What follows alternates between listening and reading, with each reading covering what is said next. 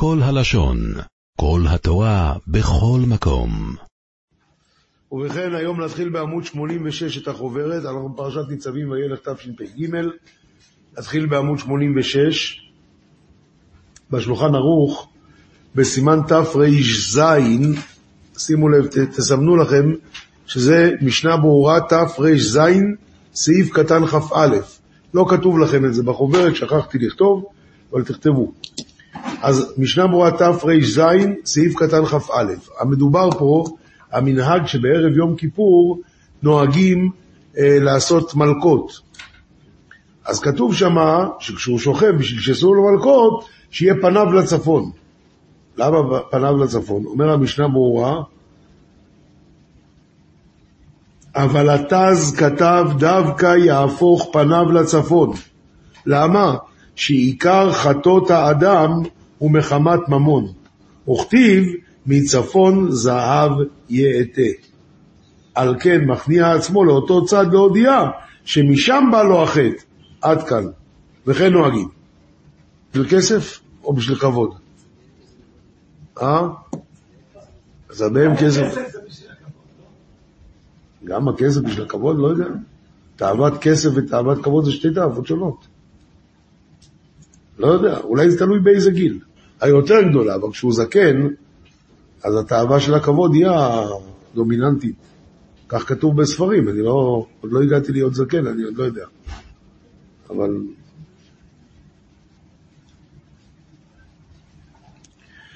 טוב, התשובה, צריכים לדעת שעיקר חטות האדם מחמת ממון. עיקר חטות האדם מחמת ממון.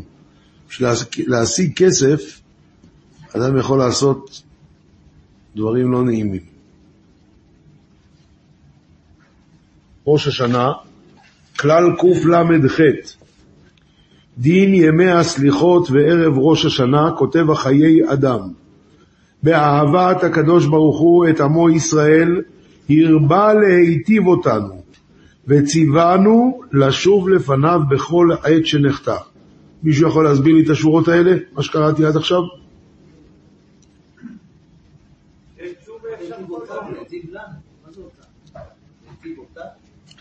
היטיב אותנו, עשה אותנו יותר טובים, אתה חוזר בתשובה, אז אתה לא נשאר בתוך הבוץ. אבל מה, מה כתוב כאן? כתוב כאן דבר נורא, רבותיי. אם סאנו הייתה מכריזה על מבצע שהיא נותנת uh, סנט מוריץ uh, מתנה לכל, כאילו בחינם, לכל מי שרוצה, זה היה מבצע יפה מאוד. אבל אם סאנו מכריזה שמי שלוקח עכשיו סנט מוריץ, אז הם מוכנים לשלם לו על זה, זה כבר יהיה סופר. הקדוש ברוך הוא אמר, תראו, אם תעשו עבירות, הוא לא אמר, יש לכם אפשרות לחזור בתשובה. נתתי אפשרות, יש לך סנט מוריץ. מה, אני מצווה עליך לקחת את הסנט מוריץ. אני מצווה עליך לעשות תשובה. נפקא מינה, אתה עושה תשובה ועוד מקבל על זה שכר גם. זה הכוונה. הרבה להיטיב אותנו, וציוונו לשוב לפניו. הוא ציווה. חטאת, בסדר, יש פה חומר ניקיון, תעשה. לא, הוא ציווה, נפקא מינה שהוא משלם על זה.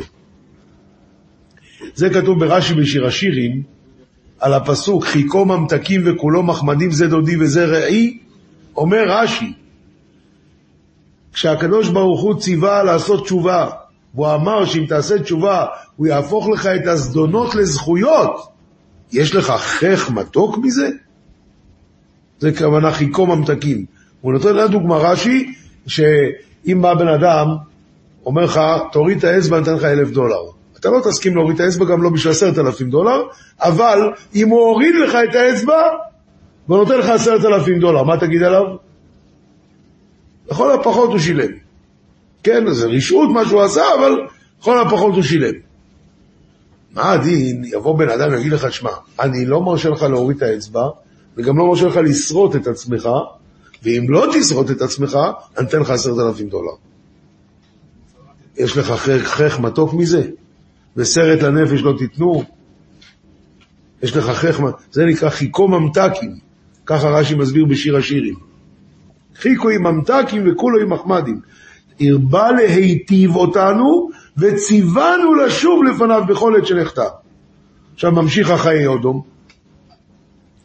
ואף שהתשובה טובה בכל עת, כלומר גם בפורים.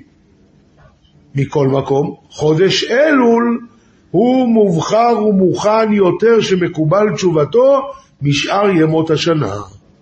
למה? לפי שימים אלו הם ימי רצון מעט נבחרנו לעם, שכשחטאו ישראל בעגל ונשתברו הלוחות בי"ז בתמוז. ואחרי זה עלה משה בהר והתפלל ואמר לו הקדוש ברוך הוא פסול לך ונתרצה ליתן לו לוחות שניות ואז עלה בראש חודש אלול ונשתה שם עד יום הכיפורים שהיה גמר כפרה.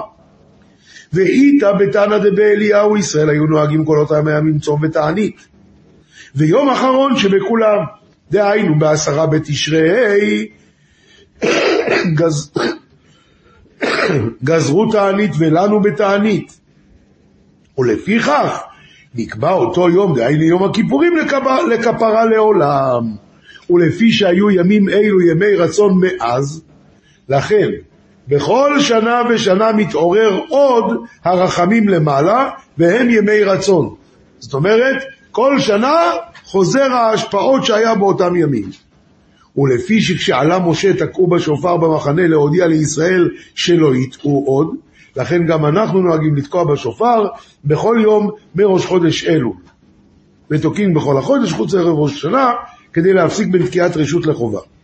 עד כאן. רבותיי, יש לי שאלה. אם אדם עושה תשובה בפורים, זה מועיל? ובפסח? גם. ובתשעה באב? אז מה הכוונה שחודש אלול הוא מובחר ומוכן יותר שמקובל תשובתו? מה, תסביר. למה זה יותר קל? בגלל האווירה? לא, שלחתי כדבריך, יש את ההערה. מה זה, מה זה, תסביר לי מה. אם אני עושה בפורים, התשובה מתקבלת? כן, ההערה שלה. כן. בניסים. זה אני מבין. בחודש אחר אין ניסים, בחודש ניסן יש ניסים, הבנתי. אבל פה אתה לא אומר, בחודש שלו אתה יכול לחזור בתשובה, בפורים אתה לא יכול. לא, לא אומר לך. בפורים גם אפשר, בתשעה באב גם אפשר. אה, חודש אלול ממש אה, מסוגל לזה. מה מסוגל? אם אני חוזר בפורים זה לא טוב? מי אמר? הוא לא אומר ככה, הוא אומר, הוא אומר, ואף שהתשובה טובה בכל עת, היא תמיד טובה, אז מה הבעיה? אנשים נזכרים רק בסוף השנה. אז זה בעיה שלך, אבל הוא לא מדבר על הבעיות שלנו. הוא מדבר פה לא בעיות פסיכולוגיות, הוא מדבר, כל השנה אפשר לעשות תשובה וזה מועיל. אבל בחודש אלול הוא מובחר ומוכן יותר. אם כל השנה לא עשית, עכשיו יהיה לך יותר קל. אז שמעתי השבוע שמעתי שיעור של הרב יונתן דומב. הוא שאל את השאלה הזאת והוא ענה. תהפכו דף לעמוד 90. בייס אלוהיקים זה המביט. המביט בפרק 15 מה... מה... מה... אה, איך זה נקרא שם? תשובה. אומר, התשובה מועילה לעולם, אבל מראש השנה ליום הכיפורים מועילה יותר, ומקובלת גם כי לא תהיה כל כך תשובה גמורה. שמעת דיבורים? עכשיו, הוא מדבר על עשרת ימי תשובה, המביט. אבל הוא, החיי אדם, העתיק את אותו לשון גם לגבי אלול. אותו לשון. אז מה הכוונה שלו לכאורה? שגם אם אתה לא עושה תשובה גמורה, זה תופס באלול. בטח בעשרת ימי תשובה. מה זה נקרא תשובה גמורה? חרטה, וידוי, קבלה לעתיד, עד שיעיד עליו יודע תעלומות שלא ישוב לכסלה עוד. אבל כאן אומרים לך, תשמע, אלול זה זמן אחר. פה גם אם אתה עושה פחות ממה שצריך, פחות ממושלם, זה תופס. אז חידוש עצום. עכשיו, שאל הרב דום אם ככה, אז זה התערותא דלתתא או התערותא דלעילא? מה? הוא בא ואומר לך, תשמע חביבי, אמרו ראש חודש אלול, טראח. עכשיו אתה יכול לעשות תשובה, גם אם היא לא גמורה. אז זה התערותא דלעילא, זה לא, זה לא מתחיל מאיתנו. מה זאת אומרת? הוא, הוא כבר הביא את החודש, הוא כבר זה, עכשיו אתה תעשה גם תשובה. אז אחרי שהוא עשה התערותא דלעילא, אז אתה עושה את התערותא דלתתא. נכון, אם הוא לא, אם מה? אם האדם לא יעשה תשובה... אתה צודק, אבל מאיפה זה מתחיל? זה מתחיל מהתערותא דלעילא, הוא מביא לך את חודש אלול. הוא מביא לך את עשרת ימי תשובה.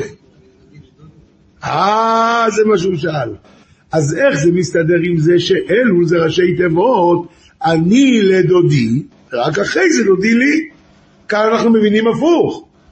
שקודם דודי לי, הוא מביא לנו את אלול, ואז הוא אומר לך, נו, עכשיו תורך. לא. כתוב בראשי תיבות של אלול, אני לדודי, ורק אחרי זה דודי לי. תראה את הרב דום, פשוט מאוד. מאיפה הכל מתחיל חודש אלול, איפה התחיל כל. כל העניין הזה של הרצון והרחמים? כי משה רבינו עלה להר להתפלל. אז זה אני לדודי. זה מתחיל אצל משה רבינו, שם זה היה אני לדודי. אחרי זה נהיה דוידי לי.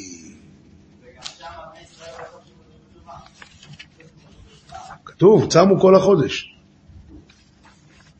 הרב, בתשובה, יש יש דבר כזה, אדם ירגיש שהתשובה שלו התקבלה, ויש דבר כזה? אין לי מושג.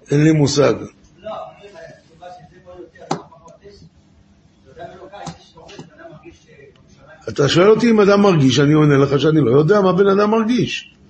לא יודע. עכשיו, ביום רגיל. אה, טוב. עכשיו רבותיי, הערה מאוד חשובה, מאוד מאוד חשובה רבותיי. תראו, הימים האלה אומרים סליחות, אז נורא עייפים. הספרדים עייפים כבר חודש. האשכנזים התחילו להיות עייפים השבוע. אבל עייפים, זו עובדה, עייפים. וערב חג, ולחץ, וזה, ופה סידורים. בסוף יכול לקרות שבן אדם מגיע ליום כיפור ולא היה לו זמן לעשות שובה בכלל. הוא פשוט לא הספיק. הוא היה כל כך עסוק עם, ה, עם, ה, עם, ה, עם ההכנות של הצום ושל הראש השונה והדג והסימנים, והוא לא הספיק. זה בעיה, ועייפות גם. אז תראו בעמוד 103, מודעה שכתב הגאון רבי יהודה צדקה ראש ישיבת פורת יוסף לתלמידי הישיבה בכתב יד קודשו ותלה בעצמו בהיכל הישיבה. הכותרת היא בקשה מהלומדים היום ד' תשרי תשל"ו.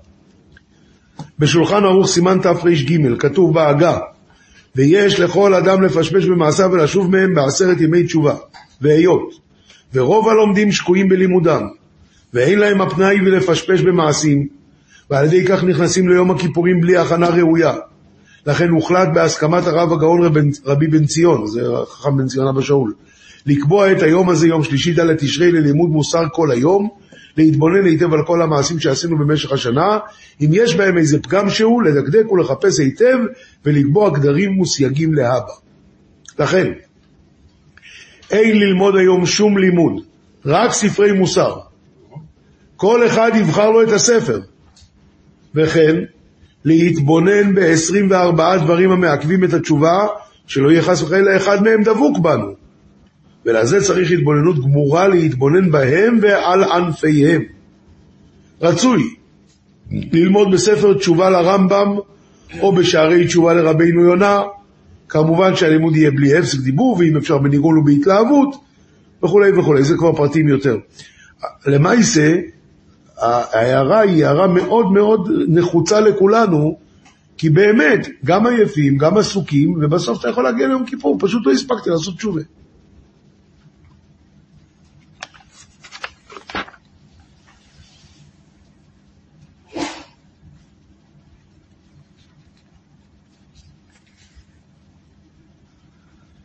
עוד דבר, עמוד 105,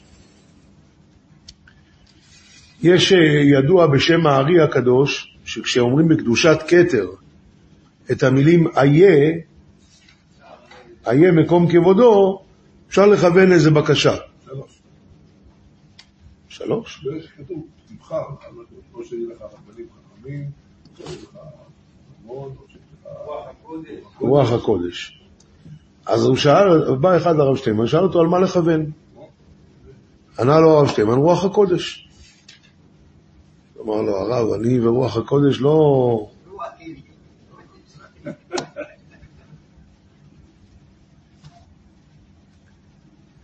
אמר לו הרב שטיימן, תקשיב טוב, זה כן שייך לכל אחד. והראיה, מה הדין יהודי נסע לעסקים שלו? נסע, הוא בחוץ לארץ. פתאום אשתו בהיריון. מה הדין? כתוב בבהג, והדברים מובאים בתוספות מסכת קידוש דף ע"ג עמוד א', אישה שהלך בעלה למדינת הים, וביום מן הימים ילדה, אין אומרים שהוולד ממזר, אלא תולים לומר שבעלה הגיע על ידי שם קדוש, וכך נתעברה אשתו. עכשיו זה מדובר דווקא על, אה, על אה, הארי הקדוש. כל אישה. לא דוד המלך ולא הארי הקדוש. כל אישה לא פוסקים שהילד ממזר. למה? אולי בעלה אמר שם קדוש, הוא הגיע. וכידוע, הסיפור עם אבוה דשמואל. למה, למה הוא נקרא אבוה דשמואל? כי אבא של שמואל יצא לעסקים. הוא היה בחוץ לארץ הרבה זמן. יום אחד היה שם אישה, באיזה, כאילו, נסיכה, שניסתה לפתות אותו. אז הוא שאל אותה, מה את רוצה מהחיים שלי? אז היא אמרה לו, אני ראיתי בכוכבים שהיום יצא ממך נשמה גדולה. אז אני רוצה שזה יהיה ממני. מה עשה? אמר שם קדוש, והגיע בקפיצת הדרך אל אשתו, ובקפיצת הדרך אסור לדבר באמצע כדי לחזור חזרה, אז הוא לא דיבר אף מילה, הוא חזר חזרה. ויהי כי משלוש חודשים, מה זה? התהום כל העיר, מה זה פה? הביאו אותה לבית הדין והילקו אותה. ושמואל אמר שהיה לו סימן על המצח ממה שהמכות שהוא קיבל בבטן של אמא שלו. אחרי זה בעלה הגיע ממדינת הים וסיפר את הסיפור. לכן קראו לו אבוה דשמואל. זה אבא של שמואל, אל תטעו. אז הרב שטיימן אמר לו, למה לא? אז תתפעל על רוח הקודש, אתה רואה שכל אחד יכול. עניינים כאלה. אבוה דשמואל? לא. בן איש חי מביא את זה בשם בהג. ובן יהודה.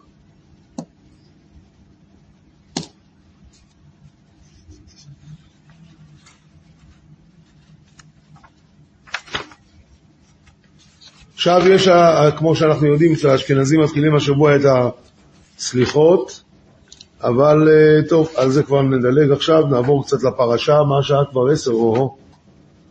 טוב, נעבור קצת לפרשה.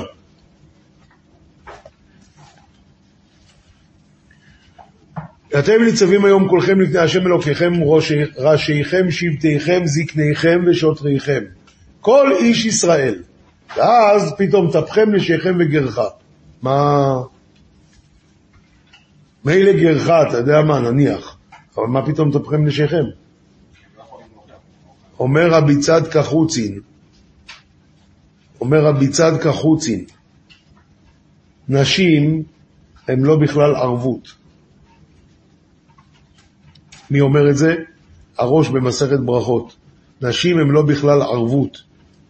וממילא זה דבר אחד. דבר שני, כתוב בטורי הבל, במגיל לדף י"ט עמוד ב', וכך כותב גם המגן אברהם בסימן קצ"ט, סעיף קטן ז', שקטנים הם גם לא בכלל ערבות. ורש"י ותוספות אומרים שגרים הם לא בכלל ערבות. רש"י נמצא במסכת נידה דף י"ג עמוד ב', ותוספות במסכת יבמות דף מ"ז עמוד ב'. ואם ככה, אמר הקדוש ברוך הוא, אני רוצה לעשות לכם ערבות עכשיו. אתם ניצבים היום כולכם, לפני השם ראשיכם, שבטיכם, זקניכם, שוטריכם, כל איש ישראל. אבל, טפכם נשיכם וגרך אשר בקרב מחניך, הם רק לעוברך בברית השם אלוקיך ובעלתו. אבל אתם לערבות, הם רק לעבור בברית, בברית השם אלוקיך ובעלתו. תירוץ יפה מאוד. זה היה בעמוד 16.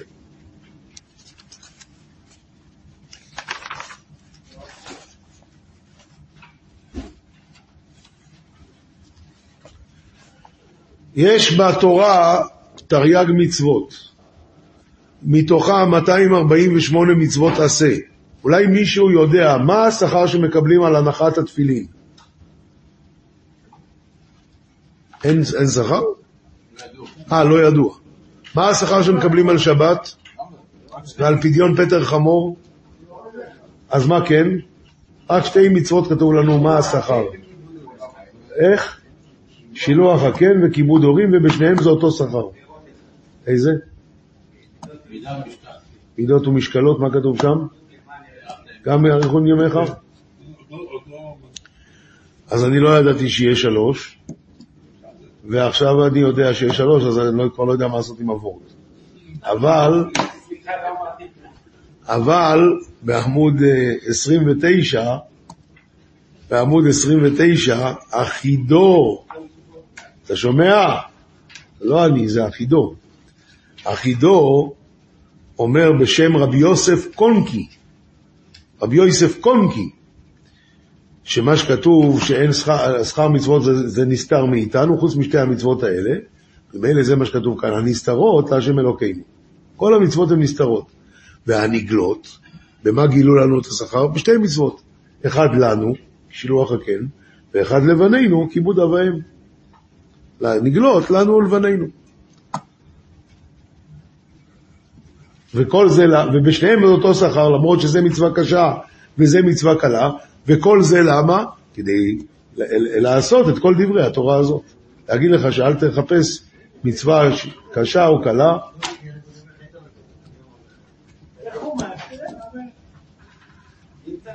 זה בפרשת אה, קדושים וכי תצא, פעמיים מופיע מידות ומשקלות. פעם בקדושים, פעם בכי תצא. מה זה לא? אה, כן, יפת צדק, אם תהיה כן, שם כן, זה עשה, זה עשה. גם בכיבוד אבאים יש גם להביא. כן, כן, כן, כן, זה עשה. אם צדק יהיה לך. זה עשה. למה זה לאו? לא יהיה לך איפה ואיפה. זה נכון, אבל גם כתוב, הן, צדק יהיה לך. זה גם עשה. כתוב שם, הנה הוא מחפש, תכף יביא לנו. בכי- תצא מצאת?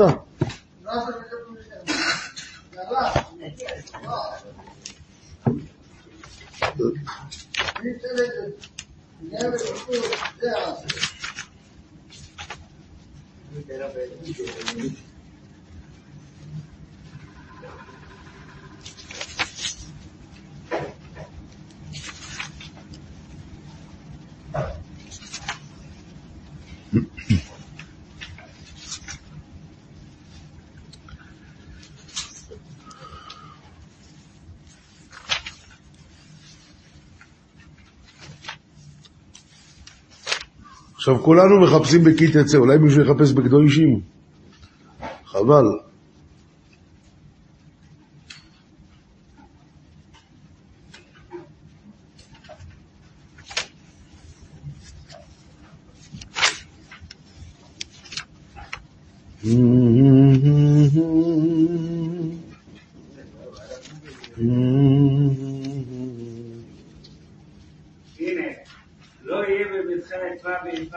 פסוק.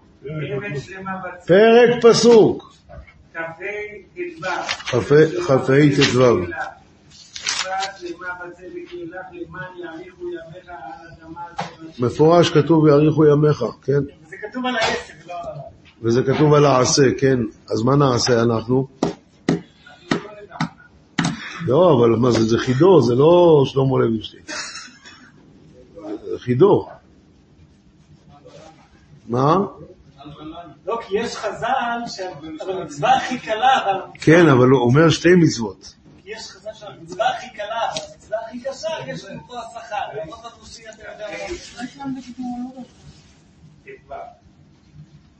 טוב.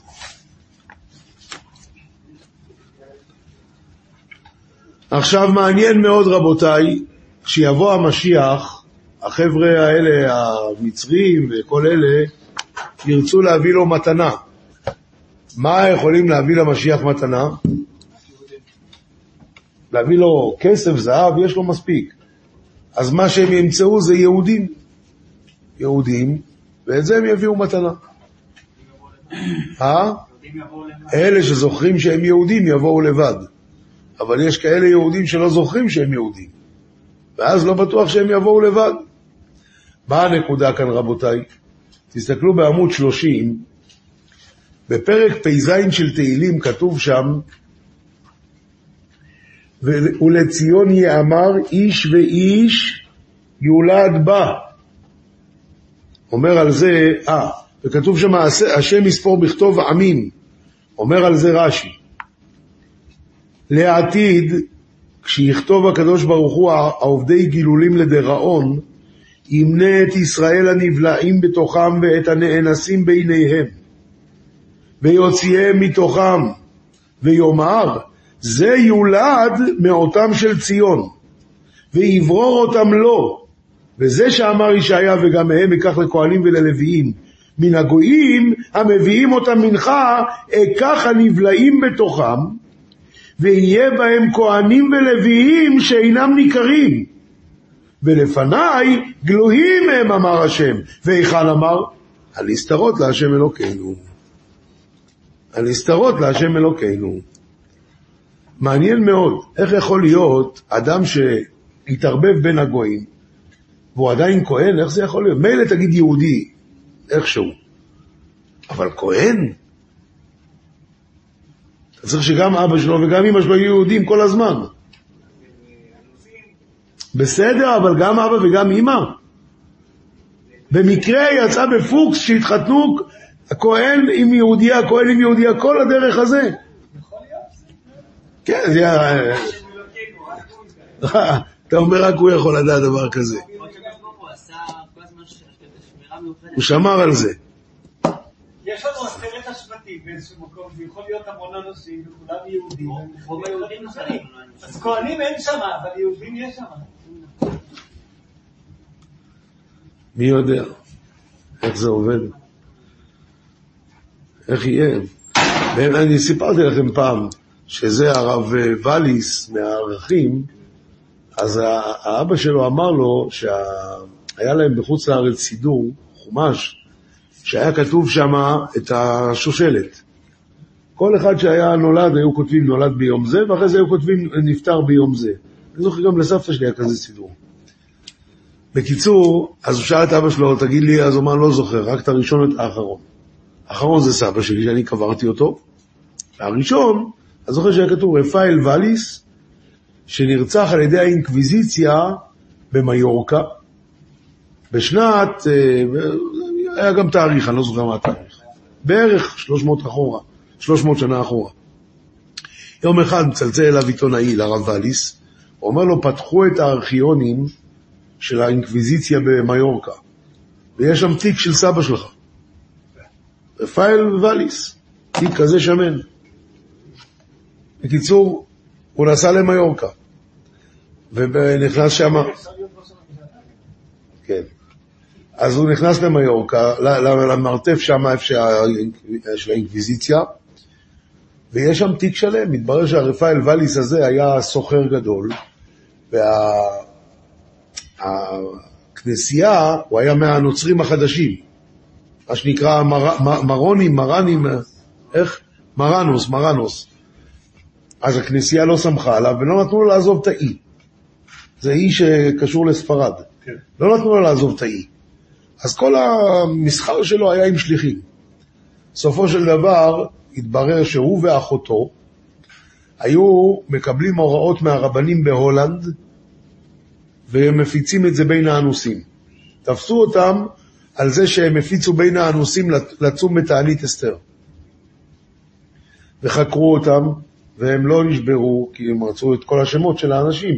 הם לא נשברו, סופו של דבר, מה, מה ייתנו להם עונש? הרי ככה, אם אחד הסכים לקבל את הנצרות מחדש, אז הרגו אותו ושרפו את הגופה. אם אחד לא הסכים לקבל את הנצרות מחדש, שרפו אותו חי. אבל מה יעשו להם שהם גם הפיצו יהדות? אז מה שקרה זה שגזרו עליהם לבשל אותם. מה זה נקרא לבשל? יקשרו אותם מטר ליד האש. ואז הם התבשלו. ואפילו מופיע שם שהם אמרו להם, תראו, אם זה יהיה סבל מדי גדול, ותחליטו שאתם מסכימים להתנצר, אז תרימו יד, הכומר יבוא עם הצלב ונהרוג אתכם ונשרוף רק את הגופה. כנראה שרפאל באמת לא עמד בזה כבר, כי יש שם תיאור איך זה נראה שבן אדם... אז הוא הרים את היד, ופתאום אחותו, והכומר כבר התחיל להתקרב, פתאום אחותו צעקה לו, רפאל, מה אתה עושה? עוד דקה אנחנו מתחת כיסא הכבוד. והוא אמר לכומר, לך מפה, וככה הם מתו. טוב, הם יצאו משם, הוא יצא משם, הרב ואליס, לקח מונית, הוא התחיל לדבר עם הנהג, אז הנהג אומר לו, כן, עד היום הם נמצאים פה, החבר'ה האלה. הוא קרא להם חזירונים. אז אמר לו, אז קח אותי אליהם. אה? אה, מרנוס זה חזירים? אז הוא הלך אה, שם בשוק, יש חנות, נכנס, התחיל לדבר איתם, התברר שכן, הם מהאנוסים.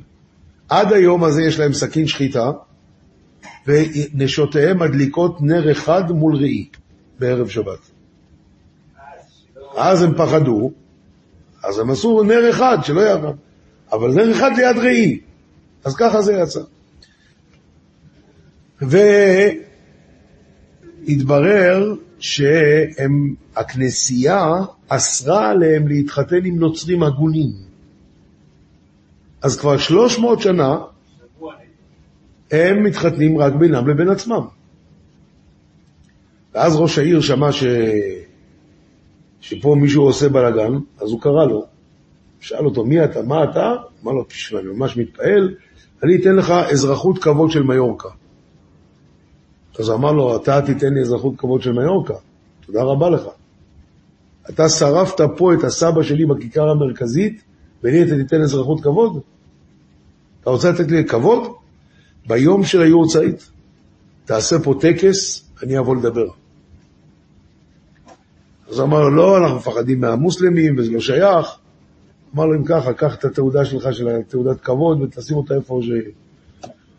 בקיצור, הוא חזר לארץ, הוא ניגש לרב ניסים קרליץ, הוא אמר לו, הרב, מצאתי קהילה של 20 אלף איש, נוצרים, שהולכים כל יום ראשון לכנסייה, והם יהודים. שלחו דיינים לברר, ופסקו בסוף שהם באמת יהודים. כי, כי החוק אסר עליהם להתחתן עם גויים. לא היה שייך שהם יתחתנו עם גויים. אז הם באמת התחתנו רק בינם לבין עצמם. ואני לא יודע. ואז, ואז ראש העיר התעשת ואמר, בסדר, נעשה טקס. היה טקס גדול מאוד, הגיע, יש להם מלך לספרד? יש ספרד עם מלך? המלך או הנסיך ושגרירים וזה, והוא דיבר שם הרב אליס, ואז אחרי הטקס הם באו אליו האלה, אמרו לו, תשמע, בסדר, אנחנו יהודים, מה עכשיו? מה עושים עם זה? מה הבעיה עם זה שאנחנו הולכים לכנסייה? גם, גם, גם זה אלוקים, לא? אז הוא אמר להם, מה הבעיה? נעשה לכם אה, אה, סמינר של ערכים. בקיצור, היום יש שם במיורקה קהילה של בעלי תשובה מהאנוסים האלה.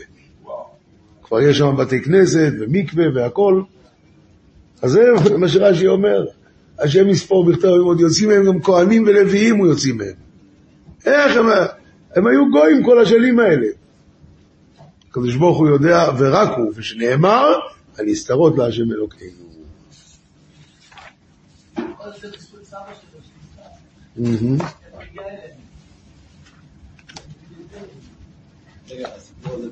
לא. הנוצרים הסכימו שמה, בשלטון אסד, חסר להם, לא הבנתי את השאלה. שבונים, מה זאת אומרת? היום זה אין אינקוויזיציה, מה הבעיה? נכון, אז, אז גמרנו, היום זה דמוקרטיה כביכול. אז כל אחד עושה מה הוא רוצה. כן, כן, נכון. נו. עד לפני 30 שנה אז מה השאלה? לפני 30 שנה הם לא ידעו שהם יהודים בכלל. היה להם איזה מנהגים של המרנוס, אבל לא... הם הלכו לכנסייה, היו עדיין כן. 300 שנה.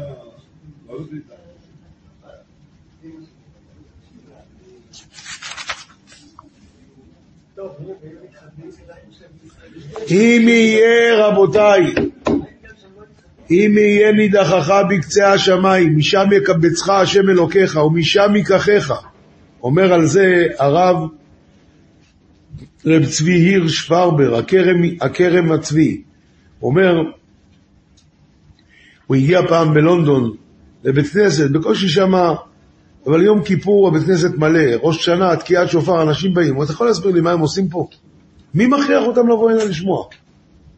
למה אתם באים? מה קרה? הוא אומר, אתה רואה שיש, הקדוש ברוך הוא שומר על זה, אם יהיה נתך בקצה השמיים. משם יקבצך ומשם ייקחך, והוא מביא רוח טהרה, וזה עובד. יש מקומות מאוד נידחים שהבתי כנסת מגיעים בימים נוראים. כן? נכון מאוד. ממש מקומות נידחים.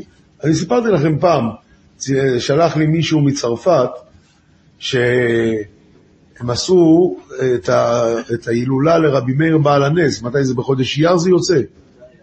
אה? כן, פסח שני.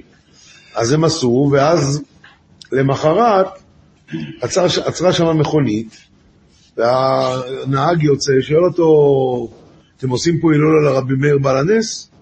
אמר לא, עשינו אתמול, ההוא נורא התאכזב. והתחילו לדבר, בסוף התברר שהוא בכלל חיפש בית כנסת אחר, שהם עושים את ההילולה היום. אז בסדר, הוא נתן לו. פתאום, כשהוא מדבר איתו, אז הוא נכנס לאוטו, ואמר לו, אז שלום אה, הרב, שלום. ואישה אחת, ערבייה, עברה על המדרכה, והיא שמעה שהוא אומר לו, שלום הרב. אז היא חצתה את הכביש, והיא אמרה לו, אתה רב? אז הוא אמר לה, כן. אז אמרה לו, תשמע, היה לי שכן, הוא נפטר, ואין מי, ש... הוא, הוא לא היה נשוי, אז אין מי שיעשה משהו לעילוי נשמתו, אולי אתה יכול לעשות משהו.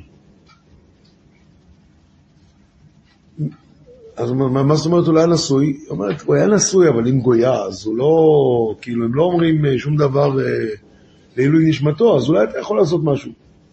אז הוא אומר לו, בסדר, תני לי את השם שלו, התברר שקוראים לו ג'ק, ז'אק, ז'אק. ז'אק, אז זה כנראה יעקב. אז, אז אמרה לו, אני אביא לך את הצילום של הקבר שלו. אז הביאה לו את הצילום של הקבר, לפי זה ידע את השם.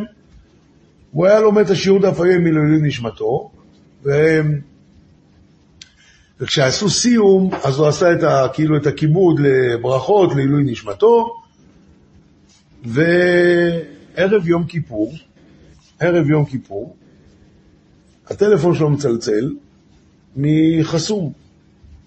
אומר לי, אני אף פעם לא מרים טלפון חסום. לא יודע למה, הרמתי. וזה עוד מעט מנחה, עוד רבע שעה, וכזה לחוץ וזה. הלו, שלום, זה הרב זה וזה? כן. מה, מה... תשמע, אני אחותו של ז'אק.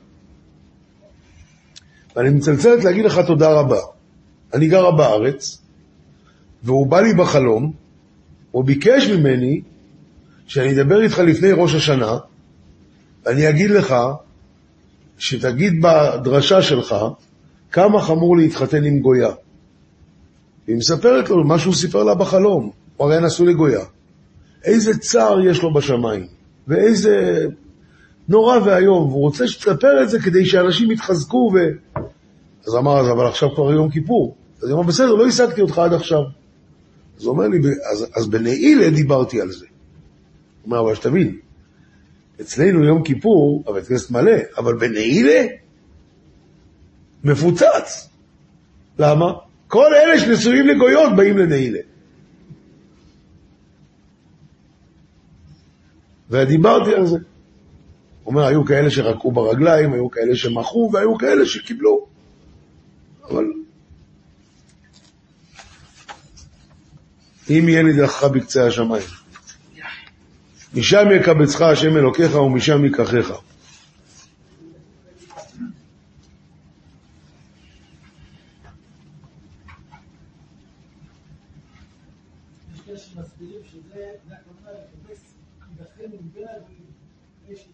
כל הלשון. מבין הגויים, מבין הגויים הכוונה לאלה שהתאכזרו. יפה. האמת, אומרים את זה במוסף של ראש השנה, ובאו העובדים בארץ אשור, והנידחים בארץ מצרים.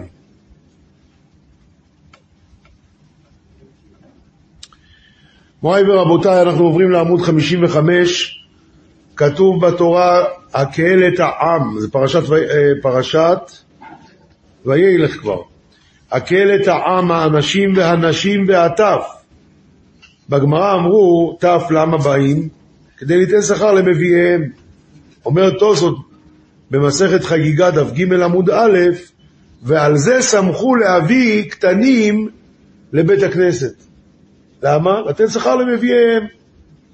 כותב על, על זה רבי מנחם דילונזנו, אל לו לאדם להביא את ילדיו הקטנים לבית הכנסת, אלא אם כן יודעים הם להיזהר בקדושת בית הכנסת ואינם מפריעים למתפללים. אולם, מי שילדיו מזלזלים בכבוד בית הכנסת ומשתובבים בו, תחת שיקרא בו ליתן שכר למביאיהם, יש לקרוא עליו ליתן עונש למביאיהם. חס ושלום. דומה הדבר למי שנקבעה לו פגישה בהיכל המלך, והביא עמו את עבדו השוטה. והנה עבד זה ביזה במעמד הנשגב ואת המלך לעיני כל. הלא בוודאי לא יעניש המלך את העבד שאינו אחראי למעשיו, כי אם את האדון שהביאו. כך, מי שמביא את בנו הקטן למזלזל בכבוד בבית הכנסת, יענש המביא, ולא הקטן שאינו בר דעת. כנסת זה לא מגרש משחקים. ושוב אנחנו, אני עובר איתכם לחו"ל, בחו"ל, בית הכנסת זה המרכז הקהילתי, זה לא רק בית כנסת, זה מה שמחבר את ה... אז באמת זה יכול לקרות הרבה, שאם אם הבית כנסת הוא לא גדול, אז באות נשים גם, ומביאות את הילדים, ואז אה, מתחיל בלאגן באמת. אצלנו בארץ לא רגילים לזה, אבל שמה זה, זה כמו הלב של הקהילה, זה הבית הכנסת. טוב, צריכים לדעת, לא להפריע.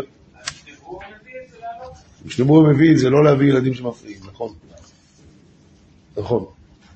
הרב, אם כבר מדברים, ערב ראש השונה, הרב שטיינמן היה תמיד אומר שאישה ששומרת על הילדים שלה בראש השנה, ולא יכולה להתפלל כמו שצריך, ובטח שלא ללכת לבית כנסת, אז היא מתחילה לדאוג, הלחץ של נשים, אתה יודע, ראש השונה, הוא אומר, לא, אין לך מה לפחד. זה התפקיד שלך, ואת עושה אותו. הכל בסדר. אבל במצוות הקל שגם גברים וגם נשים חייבים, אז מי ישמור על הצד? אז לכן הביאו אותם. זה זה עוד סיבה למה להביא, לא- רק ליתן שכר למביאים, אלא בגלל שגם אין מי שישמור עליהם. זה גופה, אז למה צריכים לצוות על זה? אם ממילא אין מי שישמור עליהם, אז ממילא יביאו אותם, אז למה אתה מצווה על זה? לתת שכר למביאיהם, שזה מצווה. החפץ חיים היה אומר לבנות שלו גם לא ללכת, ממש יש בשביל מיוחד, מה שאישה עושה כל היום, יום כיפור, היא יכולה לעשות בכמה דקות. יפה מאוד. כן. לא בשמיים היא, לאמור מי יעלה לנו השמיימה ויקחיה לנו. ולא מעבר לים היא, לאמור מי יעבור לנו אה, מעבר לים, ויביאה לנו ונעשנה. כי קרוב אליך הדבר מאוד בפיך ובלבבך לעשותו. דרך אגב, כתוב כאן כי המצווה הזאת. למה הוא אומר מצווה? למה לא מצוות? אה, כי זה הולך רק על תשובה. לא כולם סוברים ככה. לא, ממש לא כולם. נכון, יש ראשונים שסוברים, זה הולך על תשובה, אבל לא כולם. אז אם זה לא כולה, כאילו, אם זה כל המצוות, אז למה נאמר כל המצווה? אפשר לקרוא בלשון יחיד גם לרבים. אתה אומר שגם כשאתה אומר ביחיד, זה יכול לבטא רבים, כמו אה, עשרים, אה, אה, והיה- איך כתוב שם? ויהי לי שור וחמור. אם אתה תסתכל על כל המצוות ביחד, אתה לא תצליח לראות את זה שזה קרוב. כשאתה מסתכל על כל דבר בנפרד, יותר קל לך לראות שזה לא קשור. או שנאמר, שכי המצווה הזו, זה באמת הולך על כל המצוות, אבל זה לא הולך על המצוות, אלא על עליך, שאתה מצווה.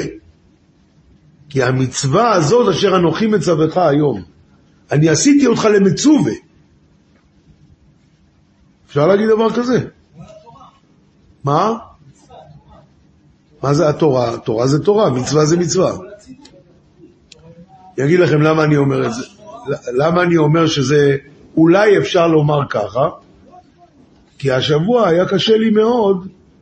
למה דוד המלך אומר בי"ט, תורת השם תמימה, עדות השם נאמנה, פיקודי השם, פתאום זה רבים, למה? כי פיקודי יש הרבה, נכון? פיקודי השם ישרים מסמכי לב. והמילה המילה הבאה, מה היא? מצוות השם. ברא מיראת עיניים. למה? יש הרבה מצוות. לכן חשבתי שזה קשור גם לפה. איך אומרים פיקודי ביחיד? פקודה. זה פקודות. זה פקודים. פקודה זה יחיד של פקודות. נו, אותו דבר. לא יודע. יש מילים של צורות שאין להן יחיד. אחרי זה אומר משפטי השם. משפטי השם אמת צדקו יחדיו. למה? אז למה פה זה מצוות? לכן אני אומר, אולי מצווה כמו פה, כל. כי המצווה הזאת, או כל המצווה אשר אנוכי מצווך היום, פרשת אה, ואתחנן, פרשת עקב, יש כל המצווה, אני עושה אותך מצווה. מה לא בשמיים? מה? לא שאני מצווה אותך, אה, אה, אה, אתה אומר, אז איך זה מסתדר אם לא בשמיים?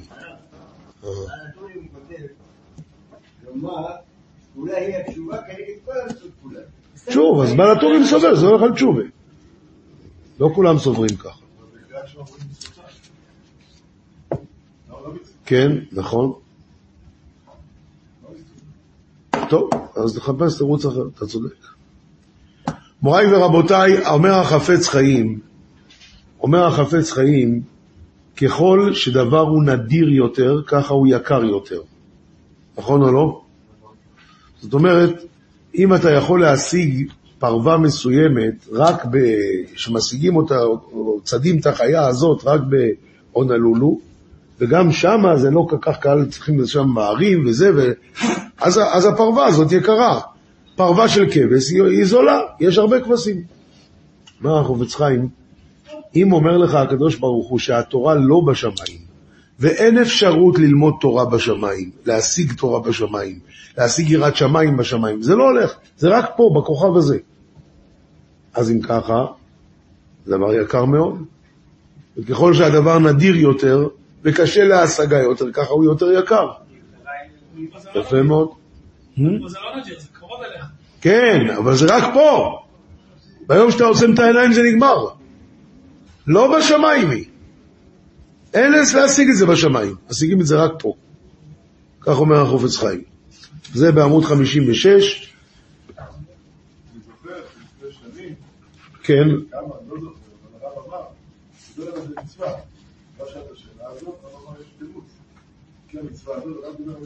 על איזה? אה, טוב. זה, זה, בזה אנחנו שותף. לא זוכר, גם אני יכול להגיד. אה, יכול להיות. לא כל הישפחות חד הרב לא צריך לסגור, כי הכל כתוב. רבותיי, בואו נעשה משהו מפרשת אה, וילך, הן קרבו ימיך למות. הן קרבו ימיך למות, עמוד 67. הן קרבו ימיך למות. במדרש כתוב, מהו הן קרבו? אמר רבי סימא, היום, היום, קובל לפני הקדוש ברוך הוא. אמר ריבונו של עולם, איני זז ואיני שוקע ומשה קיים. אני לא מוכן לזוז, אני רוצה ש... אם הוא קיים, מה פירוש אם משה קיים? אם הוא לא ימות, אז אני לא מוכן לזרוח ו- ולשקוע. אין יותר ימים. אני רוצה שהוא ימות. כאילו, מה, מה ליום ולמשה רבינו? מה אכפת לו? אז אומר על זה הרב רב השל, כבר כתוב במגן אברהם קושייה, למה ביום ו' בסיוון אנחנו אומרים יום, מתן תורתנו. זה היה בזין בסיוון. והתשובה היא, כיוון שזה היה בחוץ לארץ, ובחוץ לארץ יש יומיים יום טוב, אז ממילא רצה הקדוש ברוך הוא להזכיר שזה יום טוב, היום השני הוא יום טוב, אז לכן עשה את זה בזין בסיוון, ואנחנו אומרים יום מתן תורתנו בגלל החוץ לארצים, שבאמת בזין בסיוון גם אומרים את זה. כך אומר המגן אברהם. וזה לא הוא המציא, זה כבר אה, לפניו. אה, יש עוד. אז עכשיו לפי זה יוצא, רבותיי, מה היה אם משה רבינו לא היה מת? היה נכנס לארץ ומה היה קורה? ולא היה נחרב, ולא היה גלות, ולא היה יום טוב שני. אז היום, זה הכוונה היום טוב שני, הוא קובל עליך. הוא אומר, אני לא מסכים שהוא ימשיך לחיות. למה? אחרת לא יהיה יום טוב שני, מה יהיה איתי? כך מסביר הרב רב אשל. זה בעמוד 67, ועמוד 68 כתוב, ואנוכי אסתר אסתיר פניי בהם, ואנוכי אסתר אסתיר פניי ביום ההוא. אז כתוב בגמרא במסכת חגיגה, אמר רבא, אמר הקדוש ברוך הוא, אף על פי שהסתרתי פניי מהם, אבל בחלום אדבר בו. אף על פי שהסתרתי פניי מהם, בחלום אדבר בו. ובגמרא, במסכת... אה, רגע, לא, לא, זה ההמשך של אותה גמרא. ידו נטויה עלינו, אומר רש"י, מה זה ידו נטויה עלינו? להגן עלינו, שנאמר, ובצל ידיי כיסיתיך. ורבי יהושע בן חנניה, הווי קאי בי קיסר, הוא היה אצל הקיסר של רומי, אך וליהו אפיקורסה עמא דאדרינו מראי לאפי מיני, הוא הראה לו האפיקוירס הזה, שהוא סיבב את הפנים. אז אמר לו, מה אתה מסובב את הפנים? הוא אומר, ככה הקדוש ברוך הוא סיבב מכם את הפנים. אז מה הוא עשה לו? אז רבי יהושע בן חנניה, אך ולידו נטויה עלינו. מה, מה הכוונה? מה הוויכוח? אז אומר על זה בפניני קדם בשם הרב רב יצחוק רבינוביץ', שהיה אב בית דין בצ'נסטחוב. איפה? לא, לא. צ'נסטחוב. מה זה? ליד כלם? ליד ללו. בפולניה. בסדר. על כל פנים, אז הוא אומר, הוא אומר דבר יפה מאוד. אם אדם לא רוצה לראות את השני, יש שתי אפשרויות. או שהוא יסתובב, או... סליחה, אם אדם לא רוצה שהשני יראה אותו, זה שתי אפשרויות. אפשרות אחת שיסתובב, יעמוד גב מול פנים, אז הוא לא יראה אותו. אפשרות שנייה, הוא יכול להישאר ככה, אבל לכסות את הפנים. מה נפקא מינה? שאם אני מסתובב, אז אני, אתה לא רואה אותי, אבל גם אני לא רואה אותך. אבל אם אני רק מכסה את הפנים, אתה לא רואה אותי, אבל אני רואה אותך. ההוא הגוי אמר לו לרבי יהושע בן חנניה, הקדוש ברוך הוא הסתובב, הוא לא רואה אתכם ואתם לא רואים אותו. הוא אמר לו, לא, ידו נטויה עלינו. הוא כיסה את הפנים שלו, אבל הוא, הוא רואה אותנו. זה, הוא משגיח עלינו, אסתיר אסתיר פניי, אבל זה רק הסתרת פנים. אבל הוא ממשיך לראות אותנו כל הזמן, להשגיח עלינו ולשמור עלינו, וגם יבוא יום שהוא יגאל אותנו בקרוב. אז אה, עוד דבר אחד, ועתה כתבו לכם את דברי השירה הזאת אה, בספר, איך כתוב שם? ועתה כתבו לכם את דברי השירה הזאת, ולמדה את בני ישראל סיבה בפיהם. אז אומר על זה הרב אלישיב, היה פעם עיר שרצו ל- לקדם את הקהל, אז הביאו כל מיני מרצים, אבל לפעמים היה מגיע מרצה לפיזיקה אטומית. מה, תביא את כל הקהל לשמוע אותו, הם לא יבינו מה הוא רוצה מהחיים שלהם בכלל. אז ברמה כזאת של הרצאה, אז היו מודיעים שרק מי שמבין בפיזיקה אטומית, שיבוא להרצאה. ואם בא המרצה ככה, כל אחד. כשמביאים אבל את, ה, את, ה, את התזמורת, איך זה נקרא? פילהרמונית. אז כאן אין הגבלה, כי ממוזיקה כל אחד יכול ליהנות, נכון? אומר, זה מה שהתורה באה, אומר הרב אלישיב, זה מה שהתורה באה להגיד. ועתה כתבו לכם את דברי השירה הזאת, תורה שייך לכולם. כולם יכולים ליהנות וכולם צריכים ללמוד, וזה שייך לכולם. זה דברי השירה הזאת, שימה בפיהם, זה שייך לכולם. ועכשיו, שיהיה לכם שבת שלום ושבוע טוב, ובשבוע הבא, זה יוצא יום חמישי, ערב ראש השנה, אז השיעור יהיה כרגיל בעזרת השם. עולם שלם של תוכן מחכה לך בכל הלשון, 03 617 1111